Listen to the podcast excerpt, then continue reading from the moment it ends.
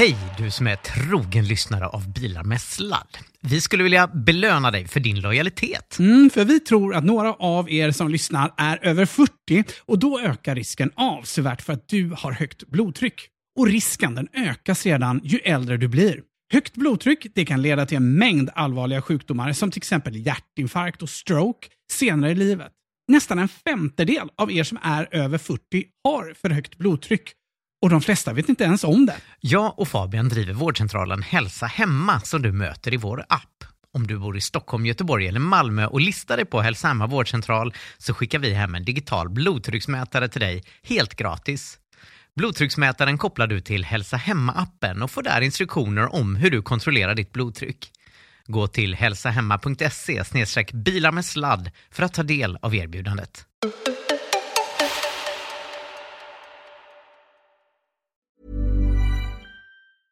Hiring for your small business? If you're not looking for professionals on LinkedIn, you're looking in the wrong place. That's like looking for your car keys in a fish tank. LinkedIn helps you hire professionals you can't find anywhere else, even those who aren't actively searching for a new job but might be open to the perfect role. In a given month, over 70% of LinkedIn users don't even visit other leading job sites. So start looking in the right place. With LinkedIn, you can hire professionals like a professional. Post your free job on linkedin.com slash people today. Hey, Dave. Yeah, Randy. Since we founded Bombus, we've always said our socks, underwear, and T-shirts are super soft. Any new ideas? Maybe sublimely soft. Or disgustingly cozy? Wait, what? I got it. Bombus. Absurdly comfortable essentials for yourself And for those facing homelessness. because one purchased equals one donated. Wow, did we just write an ad? Yes. Bombas. Big comfort for everyone. Go to bombas.com slash ACAST and use code ACAST for 20% off your first purchase. Hey, it's Ryan Reynolds, and I'm here with Keith, co star of my upcoming film, If, only in theaters, May 17th. Do you want to tell people the big news? All right, I'll do it. Sign up now and you'll get unlimited for $15 a month in six months of Paramount Plus Essential Plan on us. Mintmobile.com slash switch. Upfront payment of $45 equivalent to $15 per month. Unlimited over 40 gigabytes per month. Face lower speeds. Videos at 480p. Active Mint customers by 531.24 get six months of Paramount Plus Essential Plan. Auto renews after six months. Offer ends May 31st, 2024. Separate Paramount Plus registration required. Terms and conditions apply if rated PG. Starta rekorden. Det är Fabian som kör introt. Mm. Sätter den här gången nu Fabian. Absolut. Alla gröna. Då startar jag recordingen här också. Mm. Ja.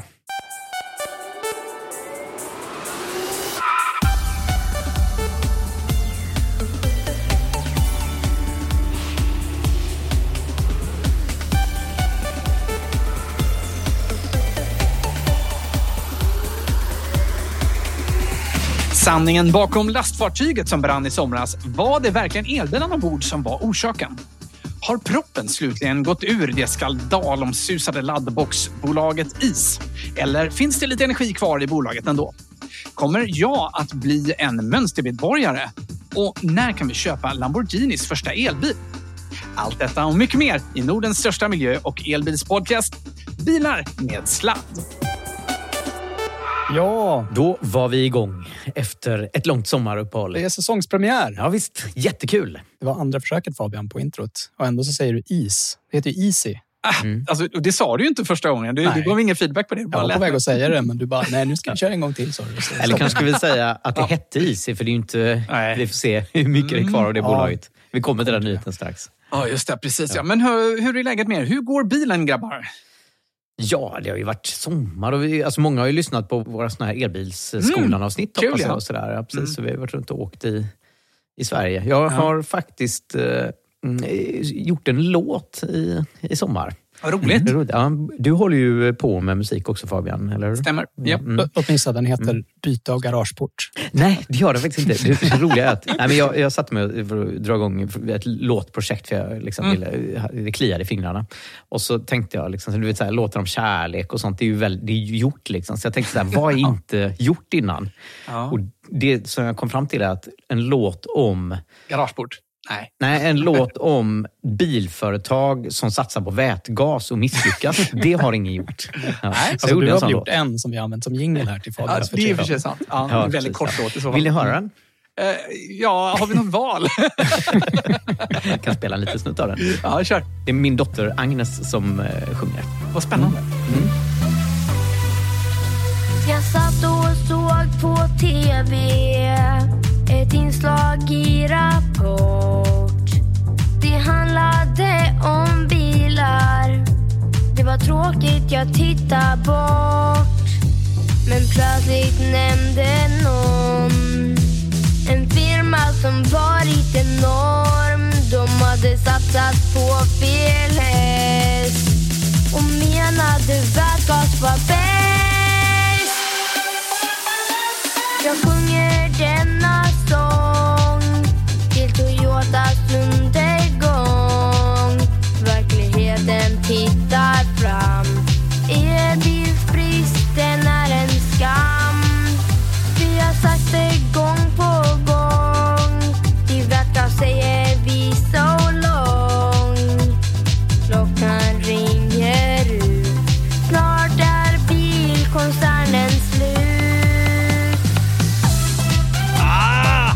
det där är inte helt talanglöst. Alltså. Jag tyckte det var rätt bra faktiskt. Jag är fan rätt hård. Alltså, som, gammal journalist så känner jag att eh, vi, får, vi får lyfta Anders från alla jobb som har med vätgas att göra framåt. Ja. Och Toyota också. Ja, jag spelade låten för min bror. Hans enda kommentar var så här, smalt. Sa han.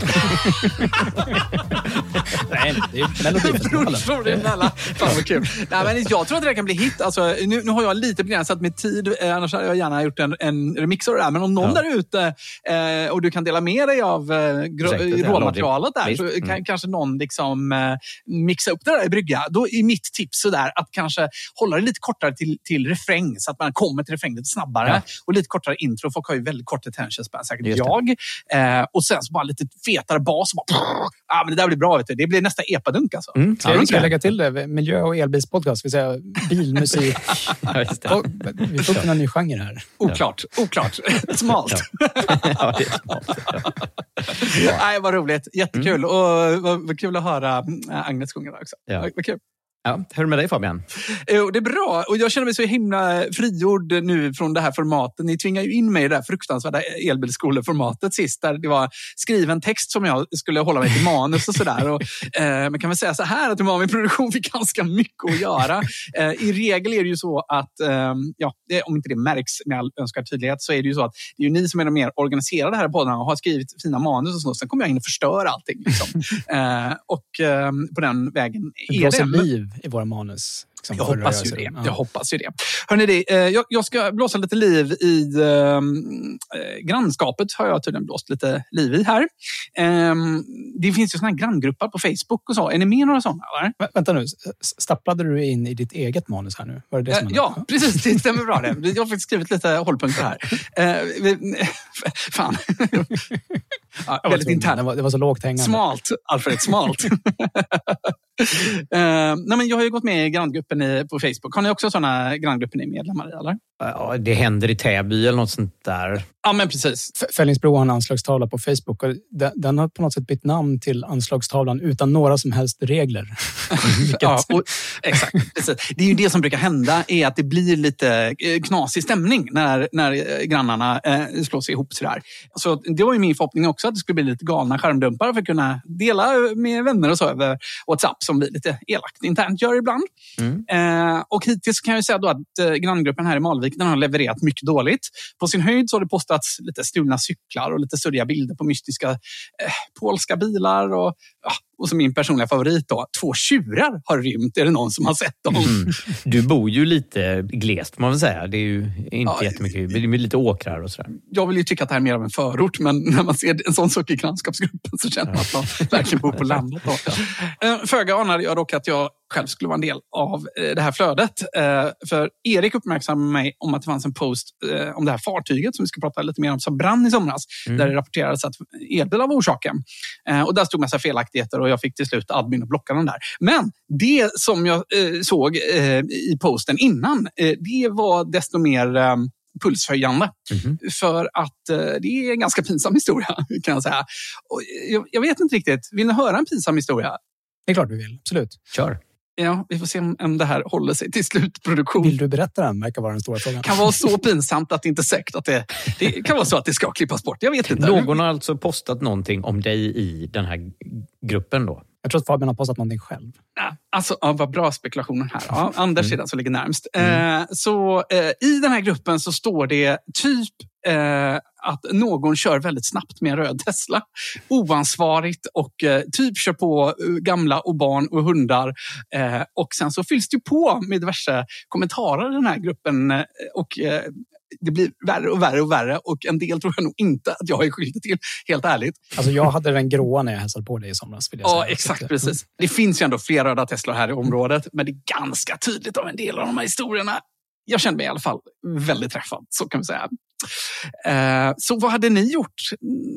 Något sånt? Det hade ju aldrig hänt er. Ni är sådana Jag tror att jag hade... Vänta lite, vänta lite. Fick vi inte höra något av det här eller? Det var, det var bara detta liksom att eh, Att, de har skrivit elaka saker. Kan du inte ge några exempel?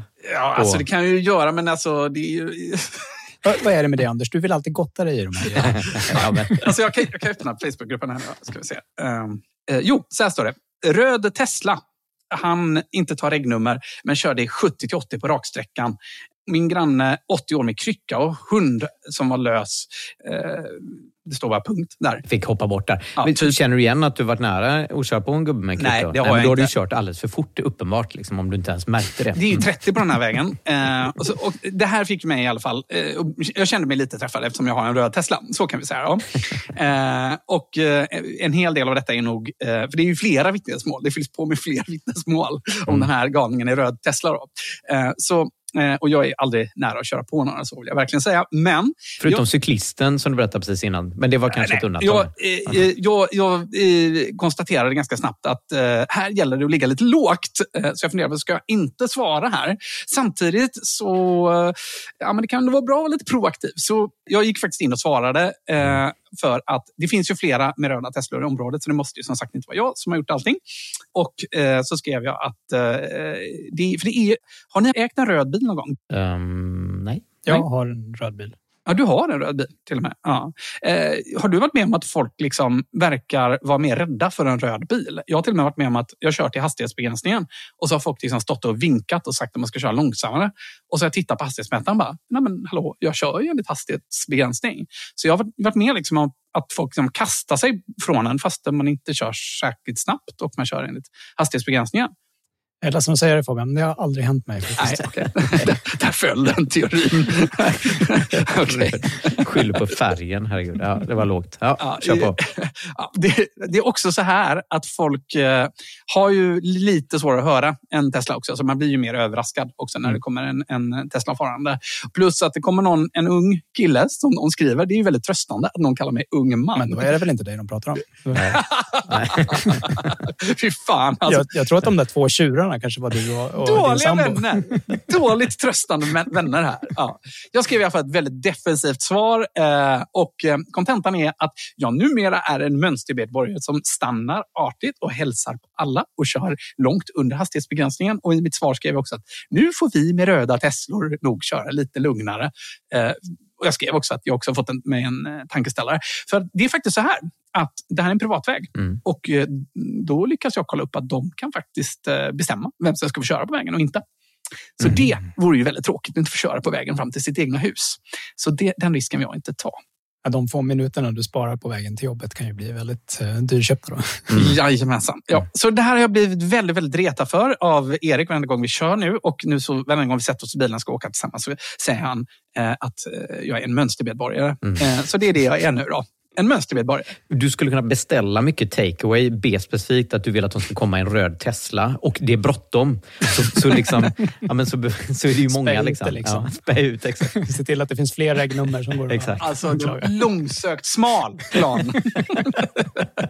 Hörrni, eh, vi har Alfred kvar eh, innan jag tar allt för mycket plats Ja, här. men det har varit en hel sommar så det har såklart hänt jättemycket jätteroligt. Men eh, Mm. eftersom eh, ni nu har berättat sådana solskenshistorier Det vet jag inte. Men, sätt och vis, så tänkte jag beklaga mig över tekniken eh, som felar och bara Alltså, jag har haft ganska otur nu på sistone. Dels så, vår Tesla blev ju inlämnad på verkstaden precis innan sommaruppehållet. Mm. Den är fortfarande inte lagad. Står fortfarande kvar på verkstaden. Oj! De har konstaterat att, eh, det är alltså vår Model 3 då. Jag har ju vår Model X rullar på fint. Men vår Model 3 får konstatera att de måste byta bakmotorn på den. Och sen har jag fått vänta Mhm. och vänta och vänta på den här motorn. Och hade jag liksom inte tjatat eh, ordentligt för att stå på mig för att få en lånebil, vilket man ju har rätt till. Då hade jag varit utan lånebil och då hade det varit katastrof. Kan jag säga. Det har man faktiskt rätt till i, eh, i Sverige. Eh, för att, eh, alltså, särskilt som konsument, det kan vara lite andra lagstiftningar som gäller om du har leasingbil på företaget. Då. Mm. Men man har faktiskt rätt till mer än vad man tror i sådana här situationer som eh, konsument. Ja, Tesla var verkligen så här, de, de har inte ifrågasatt att jag har rätt till lånebil. De har bara sagt att vi inte har så många lånebilar. Liksom. Mm. Och de Ja. sagt att eh, Mm. jag får åka hur mycket Uber jag vill. Men det är rätt svårt att åka Uber till säga. ja, jag menar det. Och till Stock, fram och tillbaka, Stockholm, Fellingsbro. Ja, men det är ju kast. Nej, Ja. det, det, bara, det Mm. bara går inte. Nu har vi tack och lov haft lånebil och den har vi fått behålla hela tiden. Då, liksom. Men Mm. annars hade det varit katastrof. Och som var nog med det, jag är lite svettig här för jag har precis burit ut en trasig tvättmaskin. Eh, som jag har fått försöka hålla undan en två och ett halvt åring för att han inte ska få den på sig. Samtidigt, eh, tvättmaskinen rasar. Det är kul om man har fyra barn kan jag säga. Eh, och bara, när jag, kollade upp, eh, här, den var tre år och eh, tre veckor gammal. Reklamationsrätten gick ut efter tre Nej, år.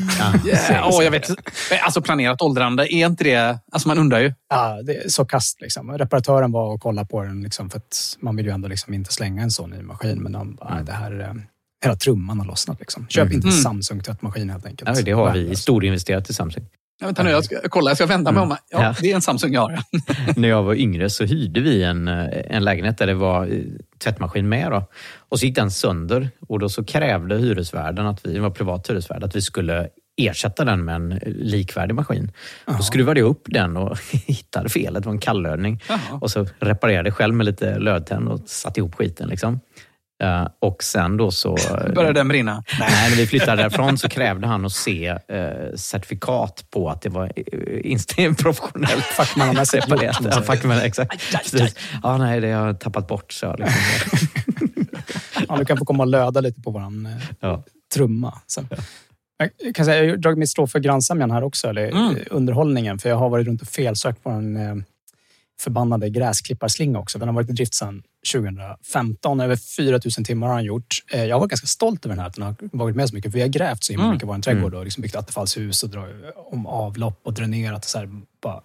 Det är ganska lappat och lagat kan jag säga på den där slingan. Mm. Och hittills har det varit, ibland får man ju slingbrott. Det har ni säkert varit med om. Mm, Eh, jag har det just nu faktiskt. Min robotgräsklippare står. Jag har inte orkat leta efter det. Jag har en bergstomt så att jag tyvärr kan inte... Jag har en liten, liten plätt. Det, det är väldigt svårt att Mm, motivera. En robot. Ja, precis. Ja, men vi, har, vi har rejält många kvadrat med gräs kan jag säga. Eh, men det, det är ju jättebra med sådana mackapärer. Man kan hitta slingbrottet rätt enkelt och så kan man laga det. Liksom. Det har jag gjort eh, många gånger.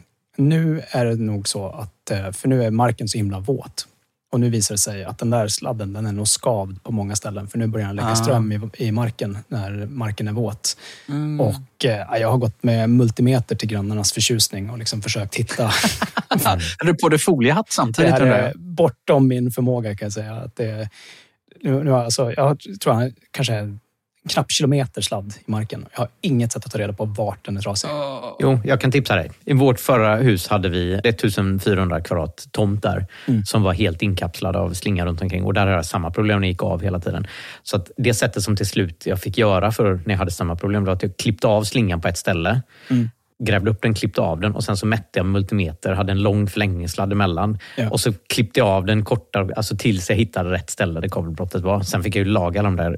Problemet var ju sen. Men titta, det är sånt här man bara får veta i bilar med sladd. Ja, Ja. Gräsklippare utan sladd. det är ju inte en toppenlösning för att sen då så har du ju alla de där lagningarna. Så nästa gång du får kabelbrott så är det ju en av de lagningarna som går sönder såklart. Men då får du flagga där. Vet Ja. du? Jag, jag hade tänkt göra upplägg annars, det, för ni håller på att mobba mig för att jag säger min frisör, min Ja, just besiktningsman och så vidare. För nu ska faktiskt min elektriker, som råkar vara min kompis också, bara komma och hjälpa mig. eh, Ja. på- Oh, kompis, du har kompisar. Ja. Han är lyssnare också, så nu, nu vet Ja. du att eh, nu har du lovat. eh, Ja. Ja, ja, ja. Just det. Just ja, det. men där kan man ju säga min, eh, min elektriker. För du sa ju så här, min besiktningsman åt en gubbe som du bara hade liksom besiktat bilen hos.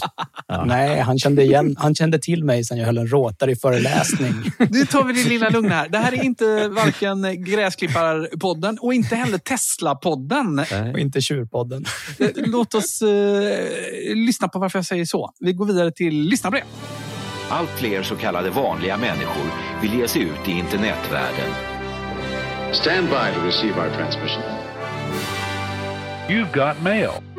Ja, för det har hänt en lite udda grej. Som vissa av er kanske vet så har ju vi numera en konkurrentpodd som vi eh, ja, eftersom de inte kallar oss vid rätt namn, de kallar oss Tesla-podden i senaste avsnittet, så kanske vi ska kalla dem för eh, Elbilspodden kanske, tänker jag.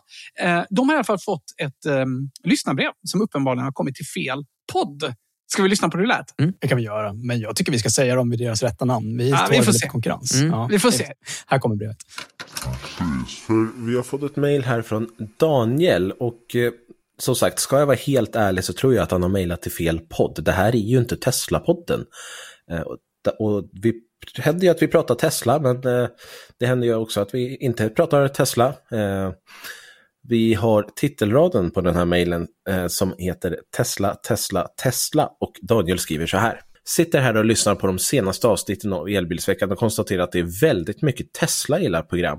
Och det är inte direkt i något negativt ljus. Det verkar snarare som att man hör på er att Tesla är i princip bäst på allt som har med elbilar att göra och dominerar samtliga listor som topphastighet, teknik, räckvidd, laddning, infrastruktur, tillgänglighet, prisvärda, design, etta i tävlingar med mera.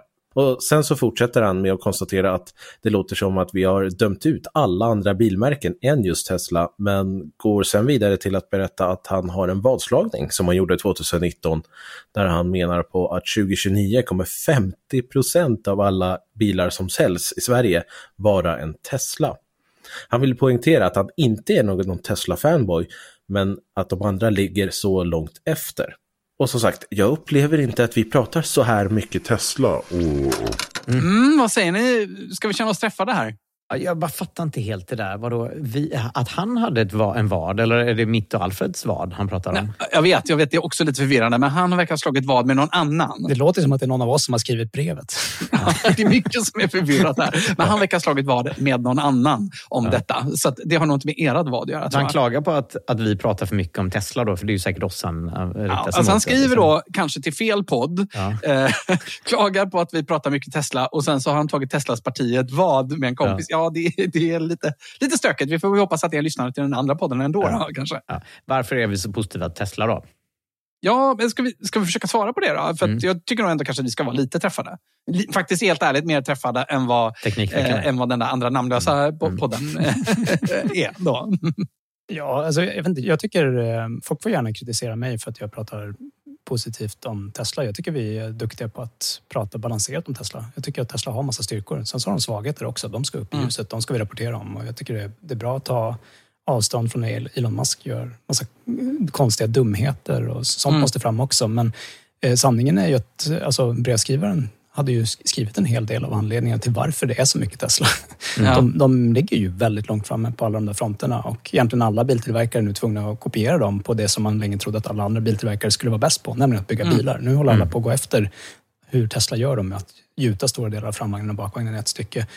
Till och med det är, liksom, bryter de ny mark på. Så Mm. det blir väldigt svårt att bevaka Tesla utan Mm. att berätta när de gör, gör grejer rätt. Och när det Mm. kommer till deras produkter så, så ligger de ju väldigt långt framme. Men, Ja, men det är ju det är Tesla som startade hela den här elbilsrevolutionen också. Det, är- det är ju som att prata om smarttelefoner och, och förneka Apple, liksom, Mm. iPhone position på marknaden. Bara för att det, det finns sydkoreanska kopior som också är bra.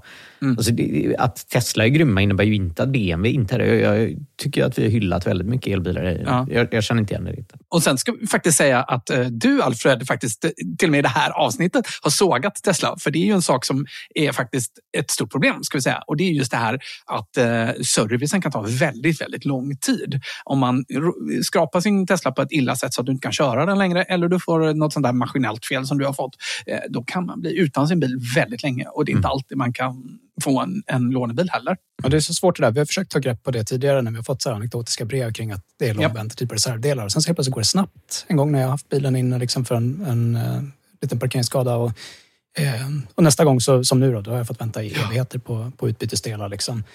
Men, men liksom, jag- jag tycker inte att eh, någon av oss egentligen ska ha en förutfattad mening om Tesla, varken positivt eller negativt, utan vi ska bara rapportera om det som händer. Och Mm. gör man det, då blir det ganska positiva nyheter om Tesla, för det går förbannat bra för det bolaget. Ja, det jag har en det förutfattad mening. Jag har haft Tesla sedan 2015. Jag tycker det Ja. är fantastiska bilar. Jag satt faktiskt idag och körde min Tesla Model X och så tänkte jag så här, det finns ingen annan bil jag hellre vill ha. Utan det skulle vara en ny Tesla Model X i så fall.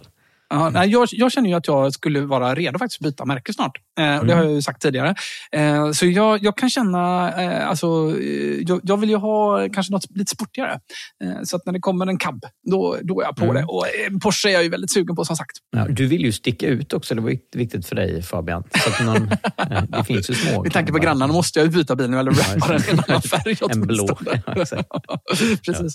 Ja. men, jag tänker väl att det är väl svar gott som, som något. Vi gör vårt bästa för att vara eh, objektiva. Men det är klart att vi alla tre kör ju Tesla och det påverkar ju också. Men då, då kan jag komma med skopet och säga att Peter Esse, han erkänner i slutet av den där podden att han har precis gått och beställt en modell Y. Så vi får se hur det blir med objektiviteten i den andra podden också. Då. Vi har fler lyssnarbrev och det handlar också om Tesla. Ja, hej, skriver Olof D. Och såklart, tack för en toppenpodd. Missar inte ett avsnitt. Jag lyssnade på Elbilskolan lektion 2 under sommaren och jag tycker att ni missade en otroligt viktig diskussion samtidigt som ni tyvärr vinklade för mycket mot Tesla vad gäller tillgång till möjlighet till snabbladdning. Aj, aj, aj. Dels det här faktumet med att Teslas laddare nu är öppen för även för andra bilar, vilket bara nämndes lite i förbifarten. Jag håller inte riktigt med om det faktiskt. Jag tycker vi pratade precis om att det var öppet för alla, men okej. Och dels det faktum att många av andra bilmodeller än Tesla knyter samarbetsavtal med en mängd olika laddföretag. Exempelvis Kia, Hyundai, Ford och bilarna i Volkswagen Audi Group, inklusive Skoda för att nämna några. För mig som en otroligt nöjd ägare till en Audi Q4 e-tron så innebär det att jag behöver bara två appar. Audi-appen med Audi Charging-nätverket kompletterat med Tesla-appen. Det ger tillgång till ett stort antal laddare över hela Europa och inte att förglömma massvis med destinationsladdare via Audi Charging inne i städerna som startas med samma laddkort. Och dessutom kan man på Ionity få plug and charge att funka med Audin. Jag tycker det vore Mm. toppen om ni förtydligar detta för alla som är i tankar att köpa elbil och som av någon anledning inte vill köpa en Tesla. Många hälsningar Olof. Så skriver han. Bra tankar ändå, just det där sista med laddningen där tycker jag. Ja, absolut. Eh, Jag hade inte koll på det här med att man kunde få igång plug and charge på Ionity med, med en Audi. Det måste kommer jag på bred front nu. Allt fler eh, snabbladdare börjar ha stöd för det. Och Det finns tydligen något liksom, backend-system som man kan koppla ihop flera olika... Så det är, det är verkligen på gång. Mm, det på en annan sak som ni kanske har märkt när ni var ute och körde i somras var att allt fler tredjepartsladdare har nu stöd för kontokort. Eh, och Det är ju helt underbart att Mm. det äntligen är på gång. Att det skulle gå så långt liksom, att det nästan Mm. inte gick att ladda. Eh, jag menar, ta betalt, en så basal grej i ens Mm. affärsmodell. Eh, men, men det går nu att eh, blippa sin Apple Watch eller sitt kreditkort eller vad man vill där för, för att ladda på ett flertal laddare där ute. Eh, senast gjorde jag det på OK, eh, Q8. Mm. Men jag, kan bara lägga till, jag, det var jag som var ute och pratade med folk vid laddstationen där i det här elbilskoleavsnittet som, som Olof pratar om. Och Mm. by the way, om ni inte har hört elbilskolan, eh, det kommer ligga kvar i feeden. Ni får jättegärna tipsa eh, vänner och bekanta i er bekantskapskrets som är lite i behov av elbilsutbildning om de här avsnitten. Vi, tror att det kan vara liksom en bra crash course inför Mm. att man skaffar sin första elbil. Så eh, hjälp oss gärna att sprida de här avsnitten till de som, som behöver dem. Men jag, jag snackade ju med väldigt många elbilsförare där, ja, som hade olika fabrikat på sina bilar. Och det var bara ett fåtal av dem som jag pratade med som kom med i, i själva avsnittet. Men det, det slog inte fel. Liksom Tesla-förarna de har i princip ingen app dedikerad för, för laddning utöver Tesla-appen då, som man inte behöver använda för startladdning på en Tesla i, istället på telefonen. Mm. Så det, det är väldigt ovant för Tesla-förare att behöva tänka på den där komplexiteten. Medan när man pratar med förare av andra fabrikat så har alla rapporterat att de har ett otal sådana appar installerade och att det liksom är, är bökigt. Så att Mm. Även om eh, Olof är bra på att lyfta fram exempel på motbilden här och det är kanske bra för oss att rapportera om det så att fler förare till andra fabrikat kan få upp ögonen för hans, eh, den lösningen som han har hittat så är det definitivt så om man bara kollar förare av olika fabrikat, vad, hur, hur det är för dem där ute, då är det definitivt så att det, det är liksom legio att om man kör en annan bil än Tesla, då måste man ha många appar installerade. Liksom. Det är i alla fall så Mm, ja. folk verkar ha det. Ja, alltså vi, har, vi använder ju inga appar överhuvudtaget. Vi bara pluggar in och sen så funkar det. Så att eh, han klarar sig jag med två appar. med. Alltså jag har ju de här eh, Chargefinder och eh, Better Route Planner och sådär. Mm. Eh, för att kunna hitta... I somras behövde jag ställa mig laddare just på... Det var Circle K ska jag säga, inte OKQ8. Eh, och, och då, på vägen till Öland. Och då var det just det, liksom, ja, men då var jag så himla glad att jag slapp knappa in mitt kreditkortsnummer. Och allt Mm. fler av de här apparna verkar nu börja ha stöd för Apple Pay också och säkert. Google Wallet också. Mm. Så det, det händer grejer på, på den här fronten verkligen också. Eh, och det är nästan faktiskt att vi kanske skulle börja recensera de här apparna också. Mm. För att några av dem är ju verkligen helt usla som egentligen är en webbsida. Och man kan inte fota av sitt kreditkort och det finns inget stöd för andra betalmetoder, Swish eller något annat. Mm. Medan andra håller väldigt hög kvalitet, måste jag ändå Mm. säga. Ja, jag hade massa problem i somras med, Mm. när jag åkte runt med här, framförallt destinationsladdare. Ja, det är ju precis. 40 miljarder olika appar man ska installera och det var nya kreditkort på alla. Man vet ju om hur det är med alla jäkla parkeringsappar som Mm. man ska installera. Liksom. Och det är precis samma djungel det är när man ska Mm. ladda utanför de stora. Där sa du något som är väldigt viktigt. För den uppenbarelsen fick jag i somras. Att vad är detta? Det är ju parkering. Det är ju parker, det är ju, så, det är ju Easy Park och liksom Parkstar och allt vad de heter. De här konglomeratapparna som konglomererar parkering. Det är ju de som ska ta hand om destinationsladdningen. Jag, Ja, men det börjar de ju göra i rätt stor utsträckning. Ja. Ja, har ni laddat via någon av dem där så Ja, vet ni att det är supersmidigt och fungerar jätte, jättebra. Jag har gjort det via Easy Park och var jättenöjd. Tyvärr har de ju stöd för ganska få laddare. Ja, Mm. alltså, det, det är enkelt på ungefär samma sätt som att man måste ha alla de där olika parkeringsapparna som alla ger. Vi är parkeringsappen, den enda du behöver och så vidare. Men det, ja. Hörrni, eh, brinnande båtar, elektrisk Lambo, Tesla Highlands, Cybertruck och mycket mer. Allt kommer efter detta. There's never been a faster or easier way to start your weight loss journey than with PlushCare. PlushCare accepts most insurance plans and gives you online access to board-certified physicians who can prescribe FDA-approved weight loss medications like Wigovi and Zepbound for those who qualify. Take charge of your health and speak with a board-certified physician about a weight loss plan that's right for you. Get started today at plushcare.com slash weight loss. That's plushcare.com slash weight loss. plushcare.com slash weight loss. Since 2013, Bombas has donated over 100 million socks, underwear, and t shirts to those facing homelessness. If we counted those on air, this ad would last over 1,157 days. But if we counted the time it takes to make a donation possible, it would take just a few clicks. Because every time you make a purchase, Bombas donates an item to someone who needs it.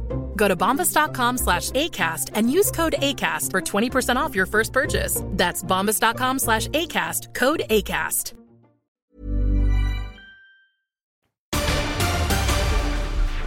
Då ska vi prata sorgebarnet Easy, laddbox-tillverkaren som Fabian kallar Is i början av programmet. kan man också göra. Jag brukar kalla den Is också. Is är en migränspray annars som vissa gillar. Ja. Så det kan ju de behöva, migränspray där på kontoret. Ja, Easy de eh, beslutade nämligen i april att ställa in sina betalningar och det innebär att de har slutat betala sina leverantörer. Och de, de, köper delar till sina laddboxar, de köper tjänster och sen betalar de inte leverantörerna. Det är ju inte en bra, bra situation att vara i. Det får man inte Ja. jättebra vänner alltså. Nej, de har dragit på sig 26 betalningsanmärkningar. Deras VD och grundaren Jonas Hemmingstöl har avgått från Easy.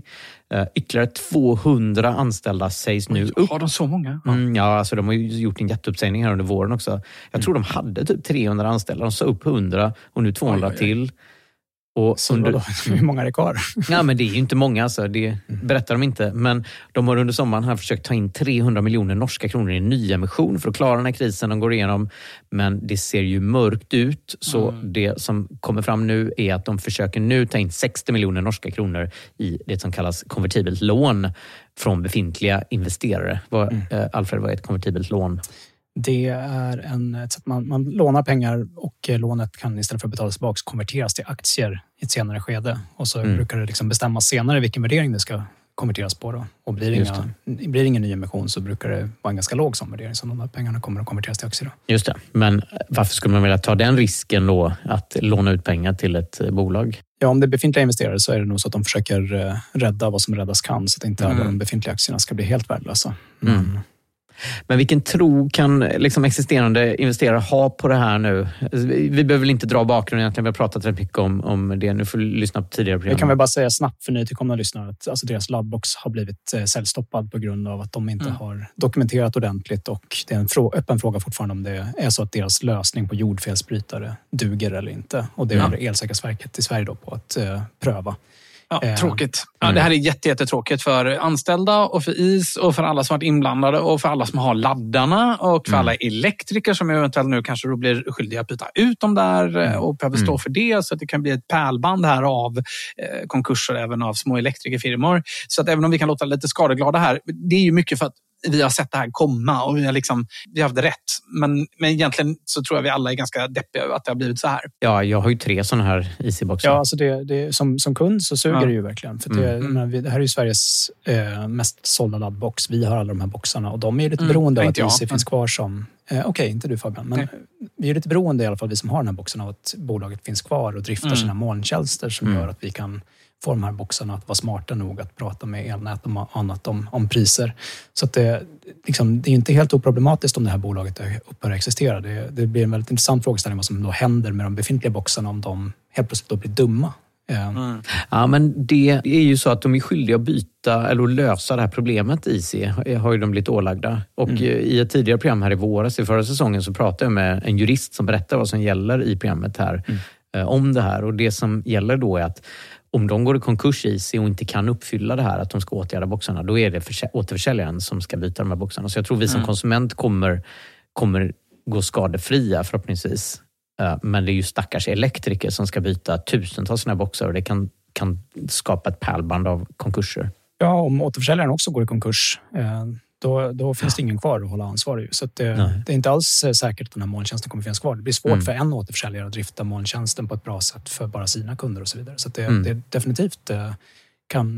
Det, Mm. börjar, det börjar bli farligt nära att det kommer kunna vara stora problem för kunder av befintliga kunder de här boxarna. Även om de bristerna som Elsäkerhetsverket från början liksom störde, liksom slog ner på då, egentligen inte har så mycket med, med det stora problemet för oss som kunder att göra. Eller liksom, eh, Eh, de, de är inte förbjudna att använda och det verkar som att det, det är många år tills de där boxarna eventuellt blir farliga. Då, liksom. Mm.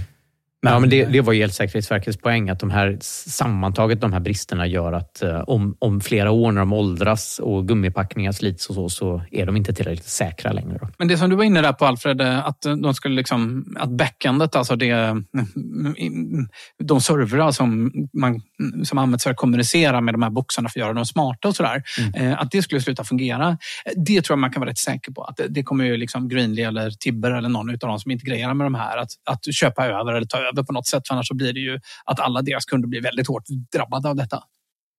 Ja, ja, exakt. Tibber skulle väl vara... Det är väl Tibber som förmodligen är den största återförsäljaren av de här boxarna. Så det verkar väl rimligt att de skulle köpa det då i så fall. Men, men det är ju ingenting som Tibber måste tillhandahålla gratis eh, i så fall. Utan det skulle ju kunna vara så att man helt plötsligt måste betala för den tjänsten då i så fall. Eller Mm. Ja. måste vara Tibber-kund om man har en Easy-box för att få det att funka. Ja, eller så kräver man ju en ny box då från, från Tibber då, om man har köpt den där. Ja, det Men- återstår att se. Men det är i alla fall eh, utförsbacke för bolaget får man lov att säga. Ja, och Verkligen. sen, jag tänker på det här bolaget, vad är kvar nu då när personalen är borta och grundaren är borta och vdn och varumärket är helt kört i botten och sådär. Varför ska existerande investerare rädda det här? Och det är fortfarande ett väldigt oklart krav på att ersätta hundratusentals boxar och så. Ja, men, eh, nu, det är väl du som har läst på om det här Anders, men Mm. det är ju ändå så att eh, Easy kom ju in eh, strax före sommaren här med, med liksom sin version av hur de skulle åtgärda det och Mm. eh, hade då hittat en egen lösning på hur de tyckte att det räckte med att sätta dit en dekal och att Mm. de då i övrigt hade klarat av att skapa den dokumentation på att boxen eh, upprätthöll kraven Mm. som Elsäkerhetsverket då från början hade klagat på inte fanns där. Eh, Mm. De har ju frångått standarden och då blir det tyngre dokumentationskrav och så hade de nu skapat den dokumentationen med oberoende tredjepartstester.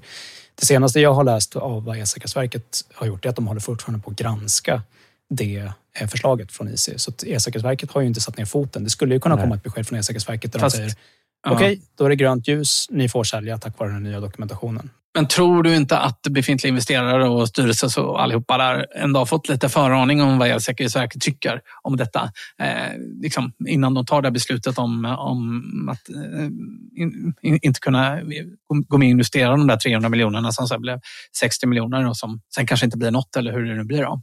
Ja, alltså de har tagit 60 miljoner på en konvertibel nu utan att vi vet villkoren på vår konvertibeln. Då skulle jag tro att det, det är pengar som är utlånade så att om det inte blir någonting från Elsäkerhetsverket då tillfaller alla aktier de, de, nya, de nya ägarna helt enkelt. Ah. Och sen kan de göra vad de vill med konkursboet.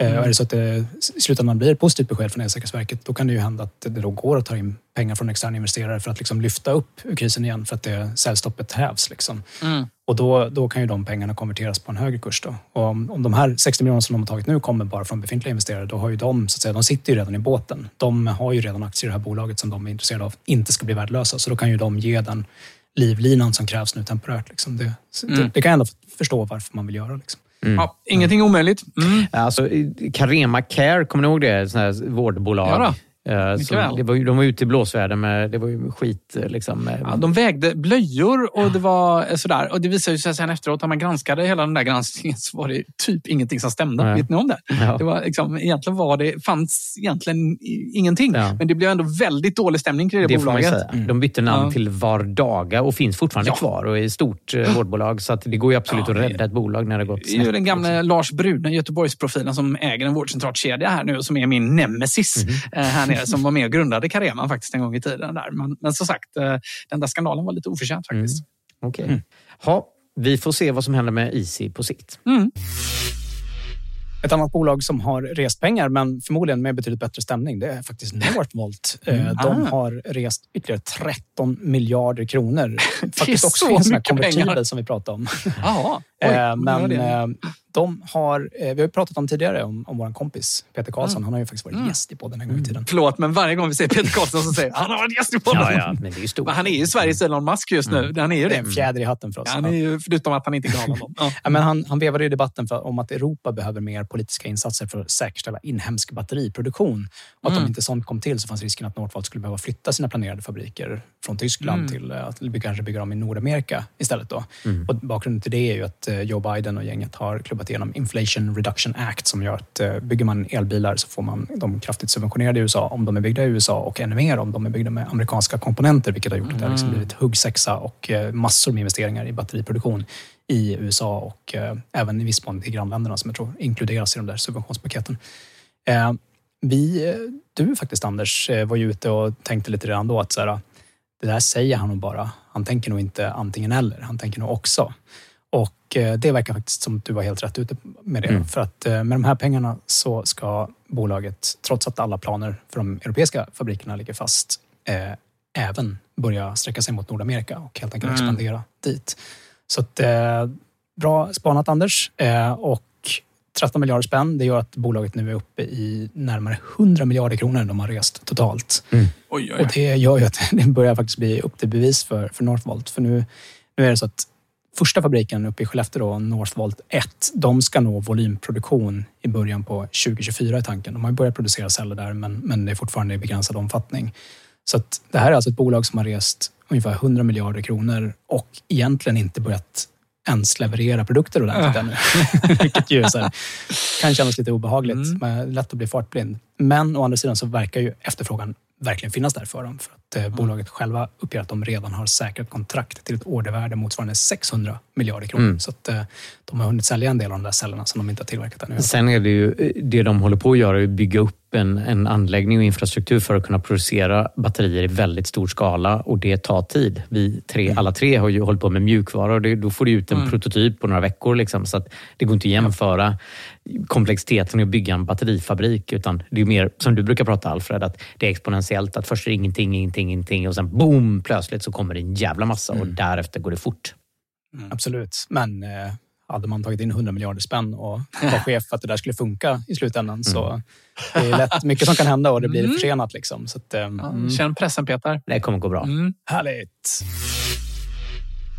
Under sommaren har det dessutom också kommit massa nyheter om Cybertruck och nya Tesla Model 3 Highland. Eh, Det har eh, kommit ut tjogtals bilar av eh, varje sort utanför fabriken i Texas vad det gäller Cybertruck och sen i Shanghai när det gäller Model 3. Mm. Och de står under täckena för att när det gäller Model 3 så är det verkligen locket på från Teslas sida. De vill nog gärna kränga varenda exemplar av den gamla varianten innan det blir allmänt känt hur den nya kommer att se ut och vad det finns för andra uppdateringar i den. Men när det gäller Cybertruck så är det faktiskt lite mindre locket på. Där har bilarna siktats på olika håll och kanter. Allt från vintertestning till marknadsföringsfotografering.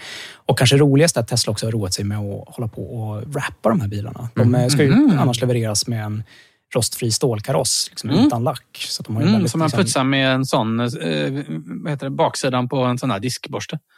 Ja, men exakt. Mm. Ja, men det ska, de ska vara tåliga och lite Stålull sådär, så det- rekommenderas på sådana där. Cybertruck är ju då deras eh, pickups som är en oerhört populär bilmodell i USA Mm. förstås. Absolut. Så Om man tycker den är snygg eller inte, det finns det många som har... eh, Den är jävla ful alltså. Fy fan hemskt. Nej, grotesk. Ja.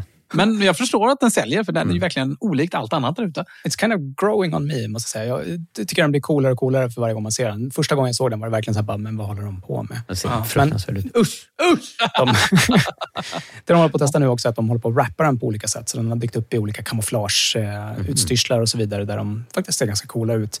Och Det som blev allra mest snackis det var att Tesla rullade ut ett testexemplar av den där bilen till allas beskådan och de vet ju att många kommer fotografera den.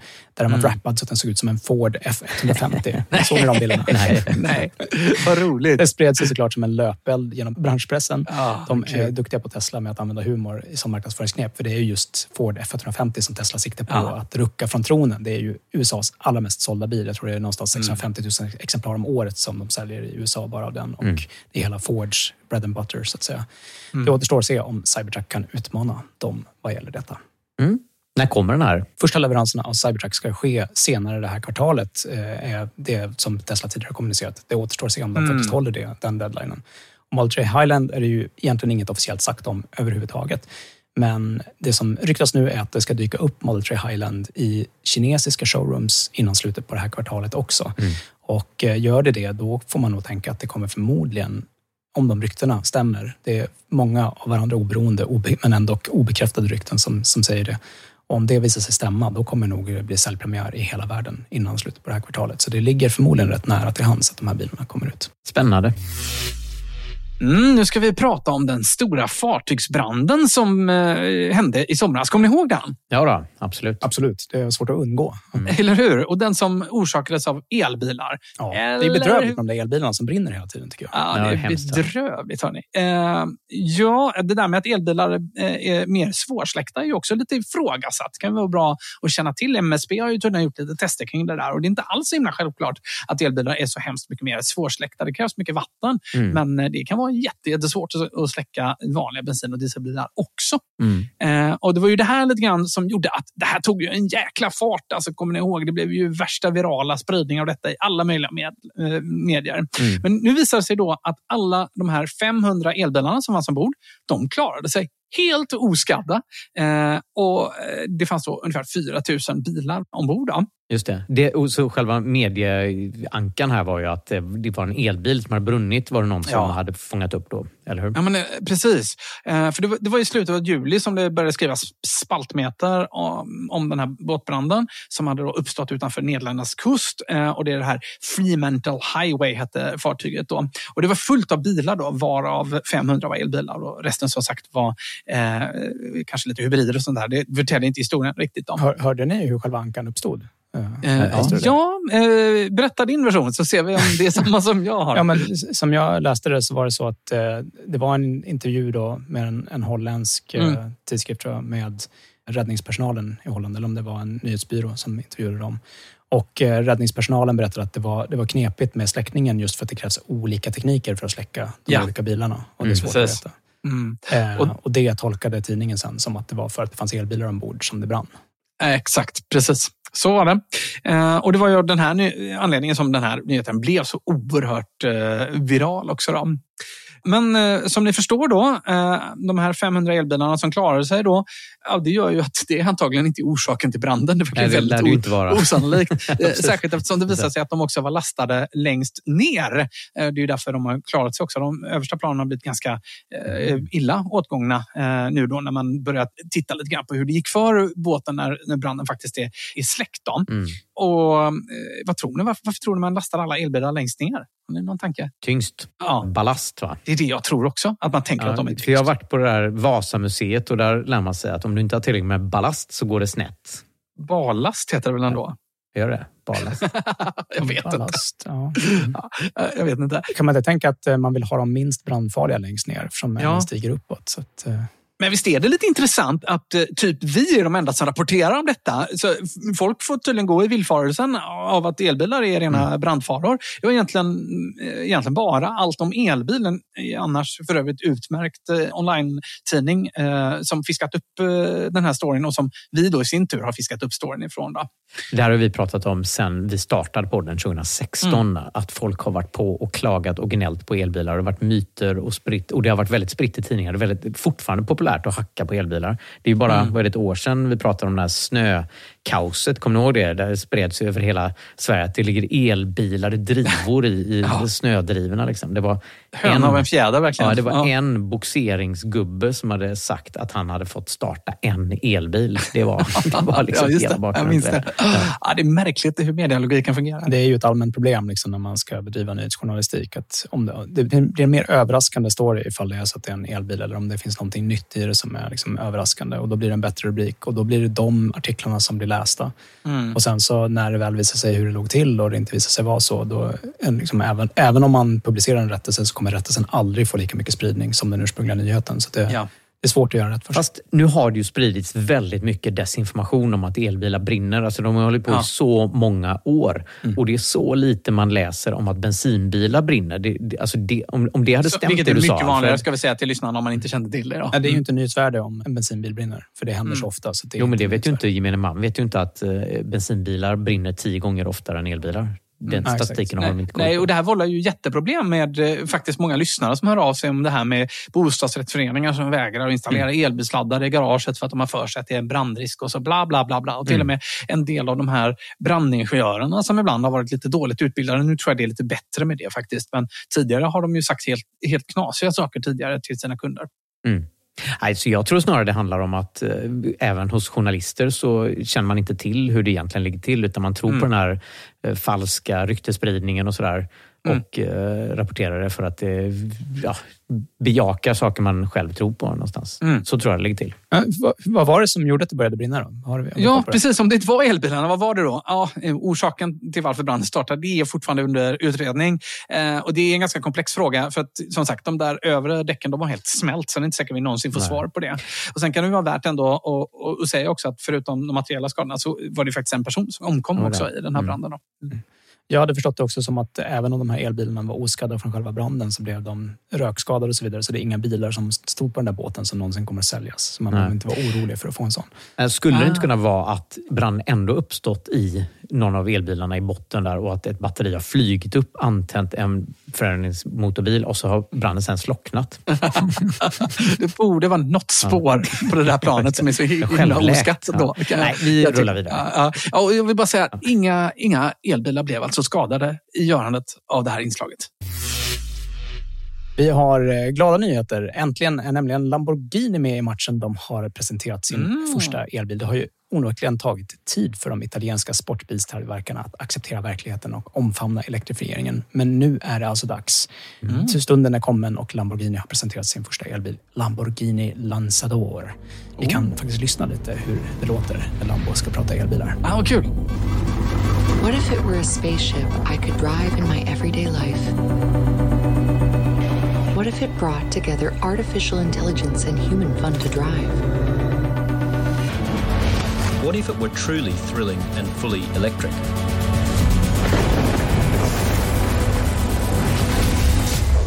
What if tomorrow a Lamborghini like this could become a reality? Lamborghini Lanzador.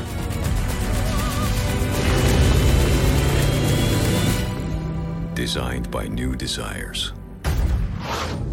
Ja, ungefär så lät det. Mm. Det var lite stämningsfull musik i alla fall. Vad, vad säger ni? Ni har ju en bild framför er här också på den här Lamborghini som är någon form av, det är någon form av GT-kaross och liksom Ja. eh, lågprofil sedan. Men ändå är den högre på något sätt. Den står högt över marken. Men väcker den Ah. något ha-begär i dig Fabian? Ja, gör den. Absolut. Det här är den näst snyggaste elbil jag har sett. Den snyggaste är eh, Polestar O2, eh, som ni vet. Den är också blå, precis som det var framför. Så jag tittar på lite andra vinklar här också, googlat lite under, under tiden här. Och, ja, verkligen. Men den är ingen cab detta va? Nej, det verkar inte som det. Jag tror inte det blir någon cab heller. Aj, aj, aj. Ja. Jag läste en, en kille som hade någon sån här Lamborghini som skrev bensinvariant men som skrev så här att när jag skaffade min bil så trodde jag att det skulle vara en brudmagnet, att det skulle komma liksom tjejer fram. Som man har sett i du vet, så här, eh, amerikanska tv-shower. Men alltså att det kommer bara småpojkar fram. Liksom. Ja. Så, så att, och det min, mina två söner då, som är 11 och 8, liksom, det, när de ser en, vi, vi såg en Lamborghini på, på vägen och de “pappa, åk ikapp den!” och så var jag tvungen att köra.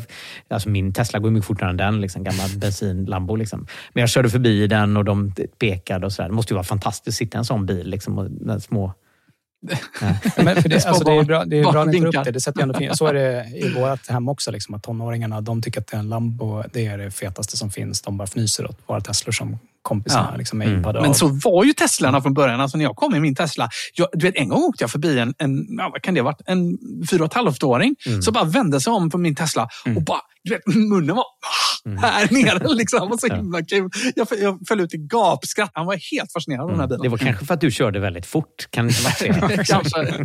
Ja, jag postade nog i gruppen sen. Ja, bara säga att vem har bäst möjlighet att se hur snabbt man kör? Den som sitter bakom en hastighetsmätare eller den som står bredvid och tittar på? Mm, kan ni fundera på. Ja, men det, alltså, för en Lamborghini, det, det är naturligtvis inga försäljningsvolymer man kan tala om med sådana här bilar. Men det finns ju ändå någonting viktigt i att den här halo-effekten runt de allra häftigaste bilarna och om de Sant. är elbilar som gör att det liksom är på något sätt viktigt att... Och jag tror att det var det någonstans Tesla försökte åstadkomma med att de presenterade sin Roadster som de ju ännu inte verkar vara nära att börja bygga. Liksom. Eh, men som jag tolkar dig Fabian, då var den här ändå snyggare än Tesla Roadster. Eh, Alltså jag undrar om den inte är det faktiskt. Roadster är ju dock en cab, så den går ju ändå före. Just det. Så är det ju. okej. Mm. Ja, ja. Men eh, i alla fall. Eh, man kan ju hoppas då att om Lamborghini presenterar en elbil, då ska man få veta hur fet den blir och hur snabbt den går och så vidare. Men det här var ganska mycket vaporware i den här presentationen tyvärr. Eh, Mm. Det återstår att se om den här bilen överhuvudtaget eh, kommer i den här skepnaden. Därför att säljstart ska bli alltså 2028. Mm. Säger Lamborghini. Oj, det är fem år bort det. Ja, Oj, det är fem oj, år oj, bort. oj, oj. Eh, De passar på att säga i typ samma andetag att alla mode- modeller de säljer ska vara elektrifierade från och med 2024. Mm, Elektrifierade, det är ju... Men det är alltså elektrifierade då. Så de ska sälja plug-in-hybrider i fem år till. Mm. Potentiellt skulle kunna hinna både då förbi en Tesla Roadster, treårsleasing och sen en Lamborghini då kanske. Ja, men alltså, det är svårt att tolka det på något annat sätt som att de äntligen har vaknat och fattat att de måste bygga elbil. Men de har typ precis börjat. Mm. Att, eh, tror de det har liksom långt kvar till lansering. Och sen så, vi har ju varit på Osborne-effekten förut. Då. De vill gärna få trogna Lambo-ägare som känner att det är dags för en el, elbil att liksom sitta Mm. på händerna och vänta med att köpa tills Lambo hinner ut. Och därför pratar de så här tidigt om det skulle jag tro. Mm. För annars är det svårt att förstå varför de ska prata om den så här tidigt om det är så långt kvar till lansering. Mm. Eh, Mm. Men eh, den är snygg. Eh, de kunde lägga snyggt ljud och eh, den väcker ha-begär. Det är ju i alla fall viktiga checkmarks på vägen. Ja, jo. Men det vi pratar om här är alltså en 3D-renderad bild, lite musik. Nej, men det finns faktiskt en körbar prototyp som jag har förstått det. Så den, den är nog ändå byggd i ett eh, förserieexemplar. Ja. Ja, men alltså, ju plattare bil, eh, ju mer opraktisk den är, ja, då vaknar mitt ha-begär. Jag är inte så svår ibland. Kan du inte, Fabian, bara köpa den här bottenplattan, bara batteriet och hjulen till Tesla, så kan du sitta och åka runt där. Ja, abs- absolut. Ja. Eh, Alfred, du har lite ytterligare uppdateringar om hur det går med bilförsäljning. Ja, trogna lyssnare på den vet ju att eh, jag gillar att knacka siffror. Så, eh, och speciellt när dessa siffror kan hålla Anders på halster angående vårt vad om vem som Mm. säljer mest elbilar. Just det, det vadet ja. Jag har faktiskt lite dåligt förberett med, med uppdatering på vadet, men jag tycker ändå dags att kolla lite på hur det går med försäljningen. Eh, här i Sverige har vi ju hört högljudda klagomål från att de flesta tillverkarna tycker att det är svårt att sälja elbilar efter att elbilsbonusen slopades samtidigt som Tesla har fortsatt att slå nya rekord. Eh, men jag har med mig något så ovanligt idag som en utblick på hela världen och försäljningsstatistik för, för Oj. hela världen.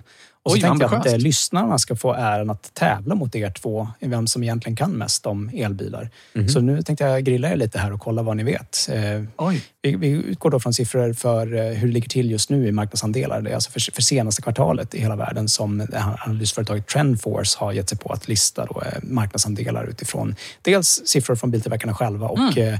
eh, kvalificerade gissningar får vi anta för de övriga som faktiskt inte rapporterar det här specifikt. Då. Nu blir det tävling. Så, vilka är eh, världens största elbilstillverkare? Anders, du får äran att börja. Ja, jag, en kvalificerad gissning då, baserat på att tidigare vill jag minnas att det är kinesiska BYD som är störst i världen på antal producerade elbilar. Nej, Tesla är det förstås. Ja, Tesla. Ja.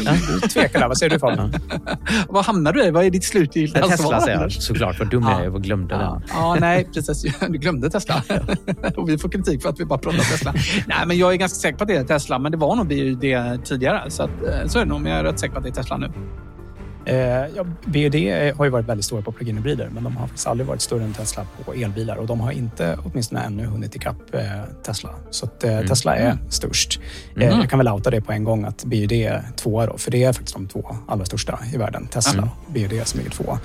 Men eh, svårare, jag blir väldigt imponerad om ni tar trean på den här listan. Mm. Vilken är världens tredje största elbilstillverkare? Tystnaden klipps bort sen också va? Vem är det som börjar? Fabian får börja den här gången. Ja. Vilka det tror du är med i spelet? Om vi Ja, Volkswagen där. är väl där någonstans. Eh, Toyota, nej. Förresten. Volkswagen. Kia. Ja, Ja, just det. Kia finns Mm. också. De är skitstora. Mm. Ja. Ja, men jag, säger, jag säger nog ändå Volkswagen för att det ska bli spännande. Vad säger du Anders? Ja, ja, kan det vara trea på listan? Det där kan vara en kines, ehm, tror jag. Eh, Jag försöker titta på det här för, att se om jag får några ledtrådar, men du sitter som ett stenansikte. Sten. Ja. Alltså Volkswagen ligger ju fint på läppen att säga och jag har ju satsat på att de ska vara störst eh, och sådär 2024. Men jag säger ändå Volkswagen, möjligen Kia, möjligen... ja. Okej, det här blir segt, men jag ska komma till poängen. Mm. Trea på den här listan är GAC Ion. Hade aldrig hört talas om dem tidigare.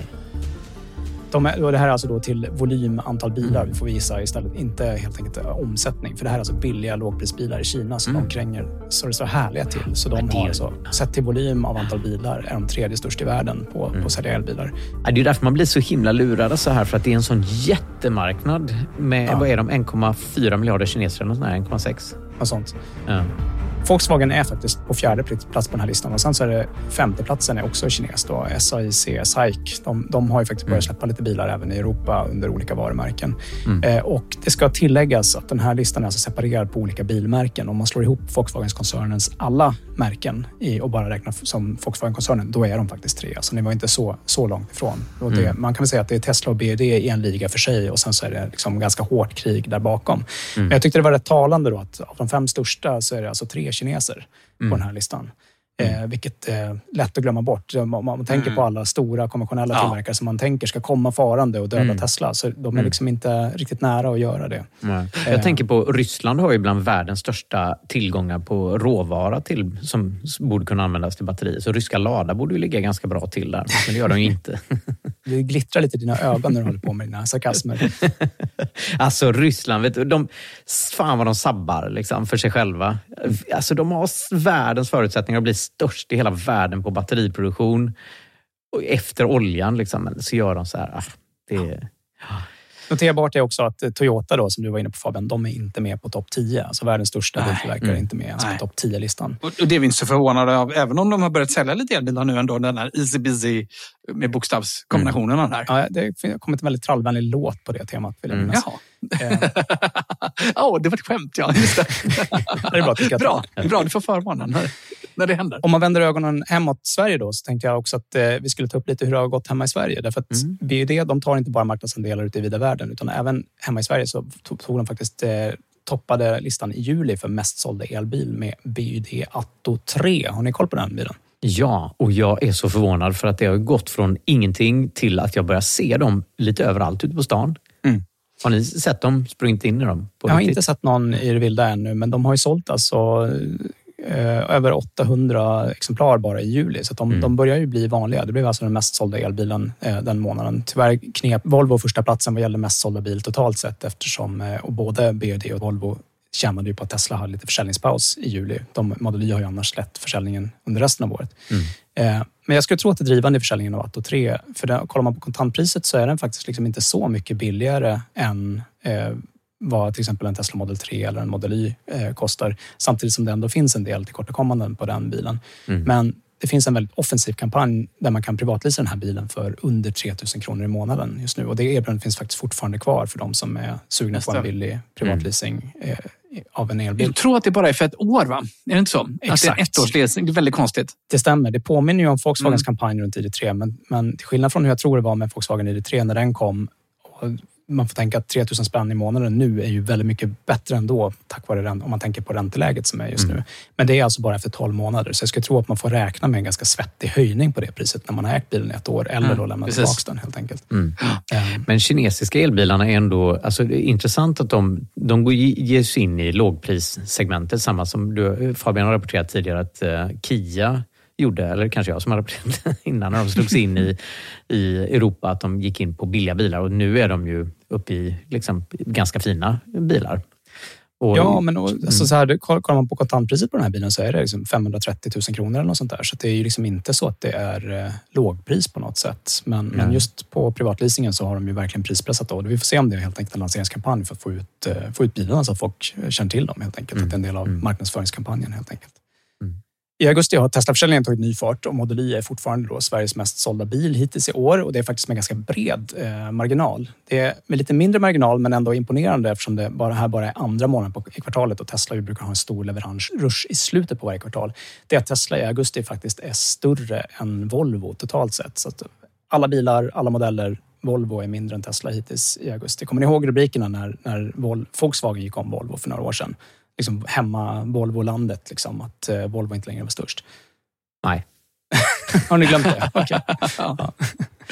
Eh, Sett i hela året är det dock inte givet. Volvo och Volkswagen de har en ganska betryggande ledning. Men Tesla konkurrerar Mm. faktiskt nu med Kia och Toyota om platsen för att i år då bli Sveriges tredje största bilmärke. Så man kan verkligen inte längre säga att man tillhör någon liten speciell krets om man, som Tesla-ägare. Utan det har ju verkligen blivit en, en folk-elbil här nu då med det här Mm. året som har utvecklats och prissänkningarna från Tesla.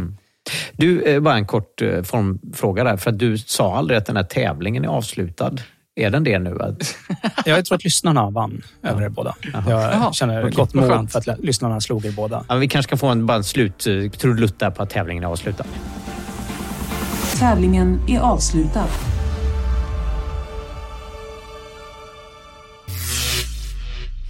Det är på gång ny batterilagstiftning i EU. Har ni hört om detta eller? Nej, det hade jag faktiskt missat helt och hållet. Alltså, det är ju fantastiskt. Jag har legat och bevakat den här nyheten länge för att jag fick ju eh, lite skit av dig Alfred för att jag var för snabb på att rapportera någon sån här EU-lagstiftning. Så nu har jag väntat till den har klubbats igenom i, i både parlamentet och rådet och nu 17 augusti så vann den här laga kraft. så nu finns det ingenting som kan stoppa den? Den är, den är klubbad? Den är klubbad och klar. Nu finns det ingenting som kan stoppa den. Jag har suttit och hållit på det här så jävla länge av den här, just den här anledningen. Och det är så här att EU har bestämt att eh, vi ska vara mycket mer sparsamma med eh, råmaterial till batterier. Så det är en av många anledningar till att man har den här nya eh, batterilagstiftningen. Man vill att mycket mer ska återvinnas. Man vill att produkter ska kunna användas längre genom att man ska kunna byta batteri. Så det kommer bli krav på att man ska kunna byta batteri i telefoner och i elektriska tandborstar och i elbilar. Det Mm. är ju väldigt intressant för de biltillverkarna som nu har valt att bygga hela sin bärande karossstruktur i, på batteripaketet där det då Ja. inte är utbytbart. Men det är kanske inte en så bra idé heller att göra så. Alltså det, är ju, eh, det, det verkar vara en väldigt bra idé om man inte behöver byta batterierna. Att eh, Exakt. bilen på det sättet. Men, men för det står här, i, i, som du har citerat lagstiftningen, förlåt om jag förekommer dig, men Mm. bärbara batterier i apparater bör utformas så att användarna lätt kan ta bort och byta dem. Gäller det alltså för elbilar också ändå? Så vitt jag har förstått så gäller det för de, de gör inte skillnad på bilar. Det nämns flera gånger att de gör inte skillnad på bilar och konsumentelektronik utan det här gäller för alla. Och Det handlar om att man inte ska skrota eh, bilar utan köra dem vidare när, eh, när batterierna är uttjänta och eh, vice versa. Då, att du liksom ska, konsumentelektronik ska hålla längre. Helt enkelt. Och sen är det, handlar det väldigt mycket om när batterierna väl är uttjänta, då, då är det krav på att de ska kunna återvinnas. Um, så att uh, man får ut liksom det, det som gick in. Och 2027 träder lagen i kraft. Så nu har den vunnit laga kraft, men man har lite tid på sig att anpassa sig till lagstiftningen. Så 2027 så ska 63 procent av alla batterier i konsumentelektronik kunna återvinnas. Så att i dagsläget så slänger man sin elektriska tandborste i elektronikåtervinning på återvinningsstationen. Men från 2027 så ska, de, ska du kunna få ut batteriet och återvinna det. Det är ju jättebra. Men får får jag bara säga det här med det, det första där att, eh, att mm, batterier i apparater bör utformas så att användarna lätt kan ta bort eller byta ut dem. Det är ju ett så kallat bör-krav. Jag börjar bli lite van att läsa de här myndighetsgrejerna nu Mm. med Hälsa Hemma som ju du Anders eh, också är en del av. Eh, Ett bör-krav är ju Ja, ganska mycket mjukare än ett skall-krav. Absolut, precis. Det är bara för att du inte läser nästa mening som säger att det kommer bli obligatoriskt. Då är det inte ett börkrav tre och ett halvt år efter att reglerna har trätt i kraft. Ah, det är så det är. Så man får Okej, lite right. inkörningsperiod och det är för att det är det jätte, jättestor ändring för alla elektronikproducenter och återförsäljare i Europa. jag kan tycka att eh, lagstiftningen tar sikte på lite fel saker här, kan jag tycka. Mhm. Eh, för att det viktiga är ju att vi tar hand om våra batterier. Nyligen har i alla fall Apple, och säkert Google också, nu har jag ingen Android-telefon så jag kan inte svara för det. Men eh, Apple har ju infört så att det finns ju faktiskt ett BMS-system, alltså ett battery management. Jag vet att vi sa i vår elbilskola att eh, telefoner inte har det, men i princip har ju Alla batteri måste ha ett BMS-system. Frågan är hur... Hur smart det är. Exakt hur smart det är. Ja, precis, och hur bra det är på att spara tiden på batteriet. Men numera så säger ju min telefon i alla fall att om jag vaknar mitt i natten så laddar den till 80 procent så laddar den den sista precis innan jag vaknar. För det lär den sig helt själv. Samma med airpodsen. Och mm, hokus pokus är det faktiskt så att, att telefonernas batterier, har ni märkt det? Mm. Att de håller mycket bättre nu också. Ja, men det, är också, det där har ju faktiskt varit en, eh, en stor rättegång i USA. Har ni fått med er Mm. det då? Mot Apple. Nej. De fuskade med, de, de alltså gjorde telefonerna med, all, med flit sämre efter några år. Mm. Man misstänker ju att det är för att eh, folk ska byta dem då. Så man klockade ner Oj. dem helt enkelt. Oj, Mm. ja, det Så är det att- vi kallar för planerad livslängd. Mm. Det var det vi tangerade förut tidigare i podden. Men eh, ja, det, är ju snarare det jag är ute efter, liksom att se till att göra eh, så att batterierna håller bättre. Så vi tar hand om, framförallt när det gäller konsumentelektronik, för där känns det som det finns mycket kvar att göra. Alltså, man, jag funderar på det här. Man tänker att eh, vi pratar ju ganska ofta om att elbilar är byggda på ett sånt sätt och har ett sätt att vårda batterierna på så sätt att batterierna ska hålla längre än resten Mm. av elbilen. Mm. Och om det är så, då är det ju faktiskt inte så toppen ifall de blir tvungna att hitta en lösning på hur batterierna ska kunna plockas ut. Om det är så att de i princip alltid håller längre än bilen i övrigt. Då skulle man ju önska att det bara var ett återvinningskrav när bilen så småningom skrotas. Men Ja. alltså, Samtidigt hänger ju de här två kraven ihop. Mm. Eh, ett batteri som går lättare att ta loss är ju också lättare att återvinna. Mm. Men sen vill man ju kanske också kunna uppgradera batteriet. Alltså, varför, jag, jag berättade innan hur nöjd jag är med min bil. Mm. Eh, Räckvidden är ju inte toppen. Jag har pratat om det många gånger. Mm. Så att om man får väldiga volymer i batteriproduktion så kanske det går att köpa ett eftermarknadsbatteripaket. Att du kan sälja det här för batterilagring och sen köpa, betala en liten mellanskillnad och få ett betydligt större batteri. Mm. Det kan jag absolut tänka mig att göra. Min bil är ju alltså i fantastiskt skick. Det är en 2016 och jag vill absolut inte byta bort den. Mm. Den är som ny invändig nästan. Mm, du tar ju hand om dina bilar så himla fint.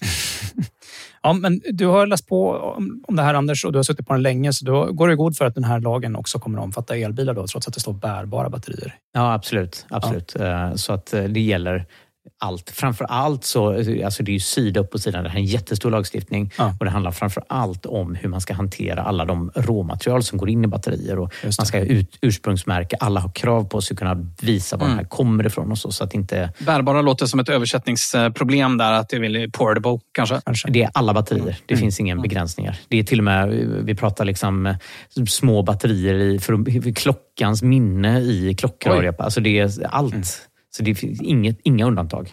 Det är ju toppen att det kommer ett helhetsgrepp kan man tycka från, från högsta nivå så att vi får igång hela liksom, återvinningsindustrin kring elbilar eh, Mm. och batterierna. Då. För det, De börjar ju komma upp i volymer nu så det börjar Ja, ju bli görbart att satsa på det. Och det lär ju bli en nyhet vi får komma tillbaka till igen då ifall, när, ifall och när, eller när den här lagen då träder i kraft. Ja, men det är klart. Det är klart. Det är klart. suttit och tryckt på det så länge. Du ska, ta inte det här från mig. Vå- Vågar du liksom... eh, Skulle du ta gift på det här nu? va? Ja, men eh, det beror på vilken typ av gift det är. ja. Ett mesigt Ja, gift ta. etanol kan ta en klunk. Ja. Okej. Etanol, okej. Det är helt vanlig alkohol för er som inte vet. Med de kraftorden går vi vidare till en annan batterinyhet. Ja, man får ju faktiskt brukar behöva vara en smula skeptisk när det dyker upp nyheter om nya typer av batterier som på alla sätt ska vara bättre än de befintliga elbilsbatterierna. Men jag tog med mig en nyhet från CATL, eller CATL som de ibland uttalas, som ju levererar batterier till en mängd olika biltillverkare, eh, däribland Tesla.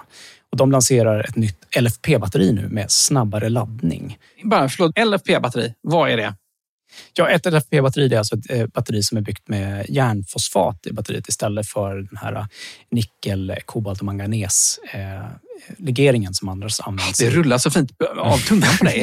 Alfred, måste jag säga. Det Ja, där. men de, de allra flesta long range-bilar de har batterier med nickel, kobolt och manganes. Mm. Medan eh, flera tillverkare har börjat komma med bilar som har lite kortare räckvidd. Eh, Tesla är väl störst av dem eh, med sina Mm. standard range-bilar. De har de här LFP-batterierna då, som är lite billigare men har lite sämre energidensitet än long range-bilarna. Då. Och, eh, de här batterierna de tål också betydligt bättre att cyklas fler gånger och kan Mm. i större utsträckning laddas till 100 procent. Man, Mm. Om man vill lära sig mer om batterierna då kan man lyssna på Elbilskolan som vi har gjort om det där. Jajamän. Eh, Energidensitet handlar om att du får in... Mer energi per utrymme. Precis, så de är ju större. Både utrymme och kilo. Ja, precis. Eh, och tydligen ska de här batterierna börja serietillverkas redan nu i år och komma ut i riktiga bilar så tidigt som i början på nästa år. Vilket gör att det känns så konkret och ligger så nära i tid att man faktiskt vågar tro på att det här kan materialiseras. Hur snabbt ett batteri kan laddas, det brukar ju vi prata om i kilowatt. Det är inte så ofta vi har varit på det här med C-rating, men har ni koll på hur C-rating funkar? Ja, men C-rating är ett relativt mått på hur snabbt ett batteri kan laddas. Mm. Vi tackar Wikipedia. Jag läste direkt från ditt manus. Nej, jag har ingen, aldrig hört talas om det innan. Vad är det för något?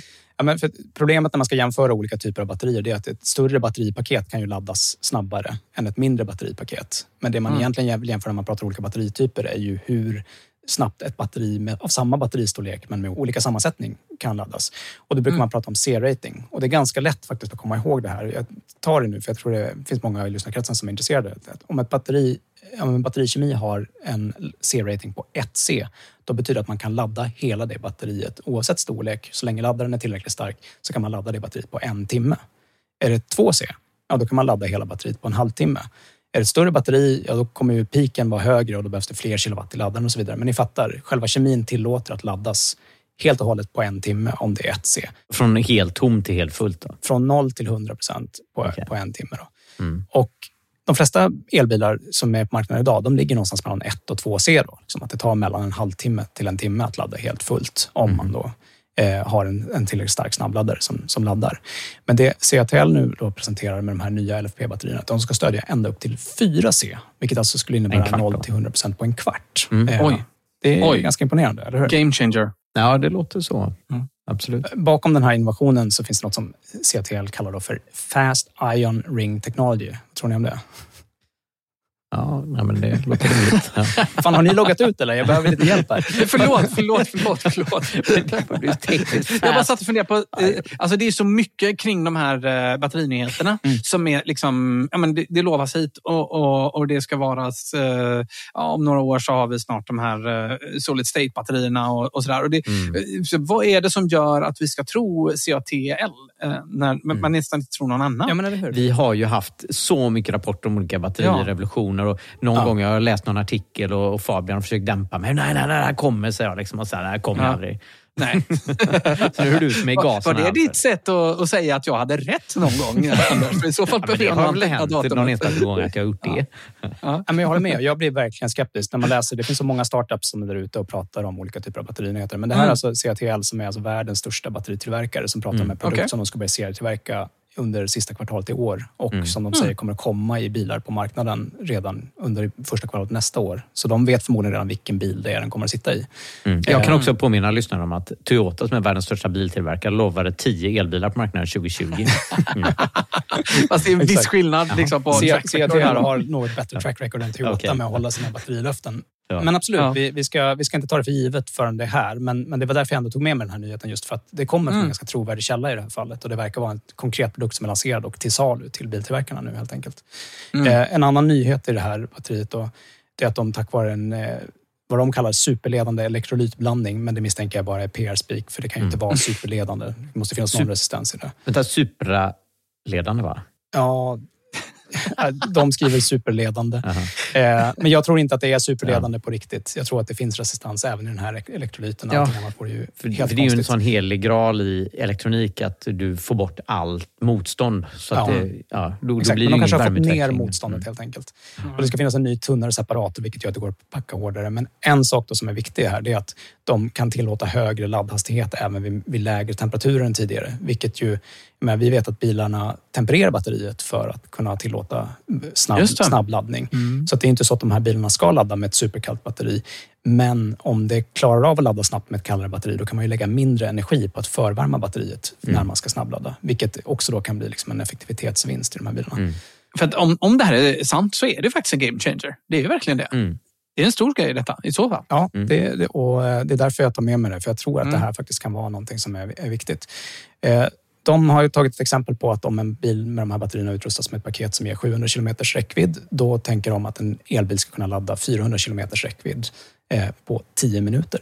Wow. Eh, Och eh, det finns allt mer som tyder på att de här, alltså den här utvecklingstakten på LFP-batterierna nu och de, de liksom vinsterna man kan göra med att ytterligare förbättra kemin från de allra första generationens LFP-batterier som redan finns i de bilarna vi kör idag, Mm. gör Mm. att de här LFP-batterierna håller på att bli så bra att jag är lite beredd att sticka ut hakan och säga att jag tror Ah. att alla bilar snart kommer ha LFP-kemi. Mm. Ah. Jag tror att eh, densiteten och alla andra aspekter av LFP-batterierna håller på att bli så bra att de är att föredra. De kommer ju vara billigare än de här dyra batterierna som Ah. vi har haft hittills Mm. de håller bättre. Liksom. Vet du vad Alfred? Jag håller faktiskt helt med. Jag har gått och tänkt den tanken ganska länge. Att de Mm. checkar många boxar. Det här att man inte behöver ta hand om batteriet och det degraderar och är så kast. Liksom och sådär. Mm. Så problemet har ju varit sämre batteridensitet. Så att du måste ha ett mycket, mycket större batteri. Men nu löser man ju det också. Så, här, så att, Ja, och tem- temperaturen gör ju också någonting till räckvidden. Då. Om inte du behöver temperera eh, batteriet lika mycket, då drar ju det mindre energi att Mm. göra det. För Mm. det drar ju också några kilometer på räckvidden när du ska göra det. Alltså, man borde investera kanske lite i någon firma som håller på med LFP-batterier. Flytta sina investeringar från laddboxtillverkaren Easy och lägga dem Ja, på det en bör man göra Ja. oavsett tror jag.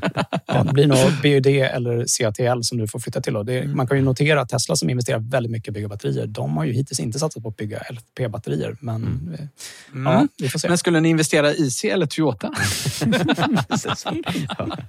Jag har inte gjort någon låt om Easy ännu. Pest eller kolera? Jag tror att med den eh, frågan ställd till lyssnarna så är det dags att kanske börja rulla ur show, eller vad säger Ja, ni? det låter så. Ja. Jajamensan, så här låter vi när vi har poddat eh, lite länge och är lite lagom mosiga och goa. Men vad trevligt det har varit. Eh, om du vill stödja podden, eh, då är det bästa sättet att göra det genom att prenumerera på oss. För 29 kronor i månaden då får man podden utan reklam och tillgång till hela arkivet hela vägen tillbaka till 2016 då vi ju hette Tesla-podden. Ju. Och så får man ju höra avsnitten tidigare. Och använd eh, Acast-länken i avsnittsbeskrivningen eller klicka direkt om du använder Apple Podcast-appen för att prenumerera. Mm. Om du vill stötta oss direkt så kan du använda lite referral-länkar som vi har på vår hemsida. Nu är ju, ska du köpa en Tesla ska du absolut gå till vår hemsida bilarmedsladd.se, hämta våra referral-länkar där och använda dem för att beställa. Tibber, om du ska ha snabbt bra elbolag så ska du absolut använda den också. Man kan ju göra som Johan eh, som har beställt en Tesla Model Y eh, den 21 augusti. Så om man eh, använder min länk då får man en shout-out i podden också. Får vi Mm. se om ni kan locka med något liknande erbjudande. Jag har redan fått eh, leverans på någon faktiskt ytterligare några som ligger och väntar. Alltså det, Ja, jag har också fått någon enstaka referral. Men, ja, Ja, men ni, ni låter dem vara anonyma, så vill man eh, liksom claim to fame, då, då använder man min länk. Vi har även en Facebook-sida där man kan gå in och likea oss och skriva till oss. Eh, och vi har en helt vanlig hemsida, bilarmedsladd.se, som man också gärna får hjälpa till att sprida. Jag och Fabian driver också eh, den coolaste vårdcentralen i landet Mm. som åker runt med elbilar givetvis. Eh, med eh, inte LFP-batterier utan med eh, gamla typen av eh, litiumjonbatterier. Mm. Man laddar ner Hälsa Hemma-appen och får lite hjälp av våra läkare och sköterskor där. Så kommer vi hem med elbilen då, om man behöver omplåstras eller undersökas. Mm. Ja, eftersom ni inte säger det själva så kan jag tipsa att kolla gärna vad andra patienter säger om att använda den där appen. För Mm. det är ganska fantastiskt vad ni får för feedback faktiskt på det. Mm. Och det är en riktig vårdcentral, så inte någon nätläkare utan vi ersätter vårdcentralen runt hörnet. Spola Kry, använd Hälsa Hemma istället. Jag har tipsat ett gäng kompisar och alla har faktiskt fått kanonhjälp av Hälsa Hemma. Mm. Men det om det. Tipsa gärna dina vänner och bekanta om podden och hjälp oss i synnerhet att sprida podden och Elbilskolan till sådana som är på väg att skaffa elbil. De Just tror vi det. egentligen är allra störst behov av det här och eh, det var lite därför vi gjorde den där Elbilskolan. Så vi tänkte att vi skulle göra det lätt för er att hjälpa era vänner och så kanske ni slipper svara på lika dumma frågor som ni får annars. Ja, så är det. Om man vill komma i kontakt med oss då kan man e-posta på antingen vårt eh, förnamn Fabian, Alfred eller Anders snabelabilarmedsladd.se eller skicka till info snabelabilarmedsladd.se eh, och inte till den andra podden, eh, tycker jag. För redigeringen den här veckan och tidigare veckor står Umami Produktion och ansvarig utgivare det var Alfred Rut, det vill säga du Alfred. Och med det är det väl dags att säga vad vi alltid säger i slutet på varje podd. Mm, jag säger kör försiktigt. Jag säger kör elektriskt. Snabba lugnt. Ja, vad roligt. Nu har vi en hel härlig säsong med sladdande omkring eh, här eh, framför oss. Nu får du runda ja, av. Vi ses där ute. Ja, Hej då. kör försiktigt. Hej. Fick han sista ord.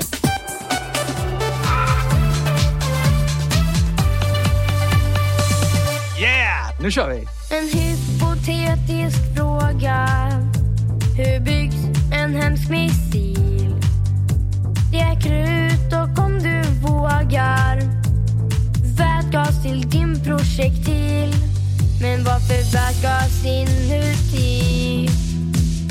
Bilen som du färdas i. Om du krockar när du kör så fattar du väl att du dör jag sjunger den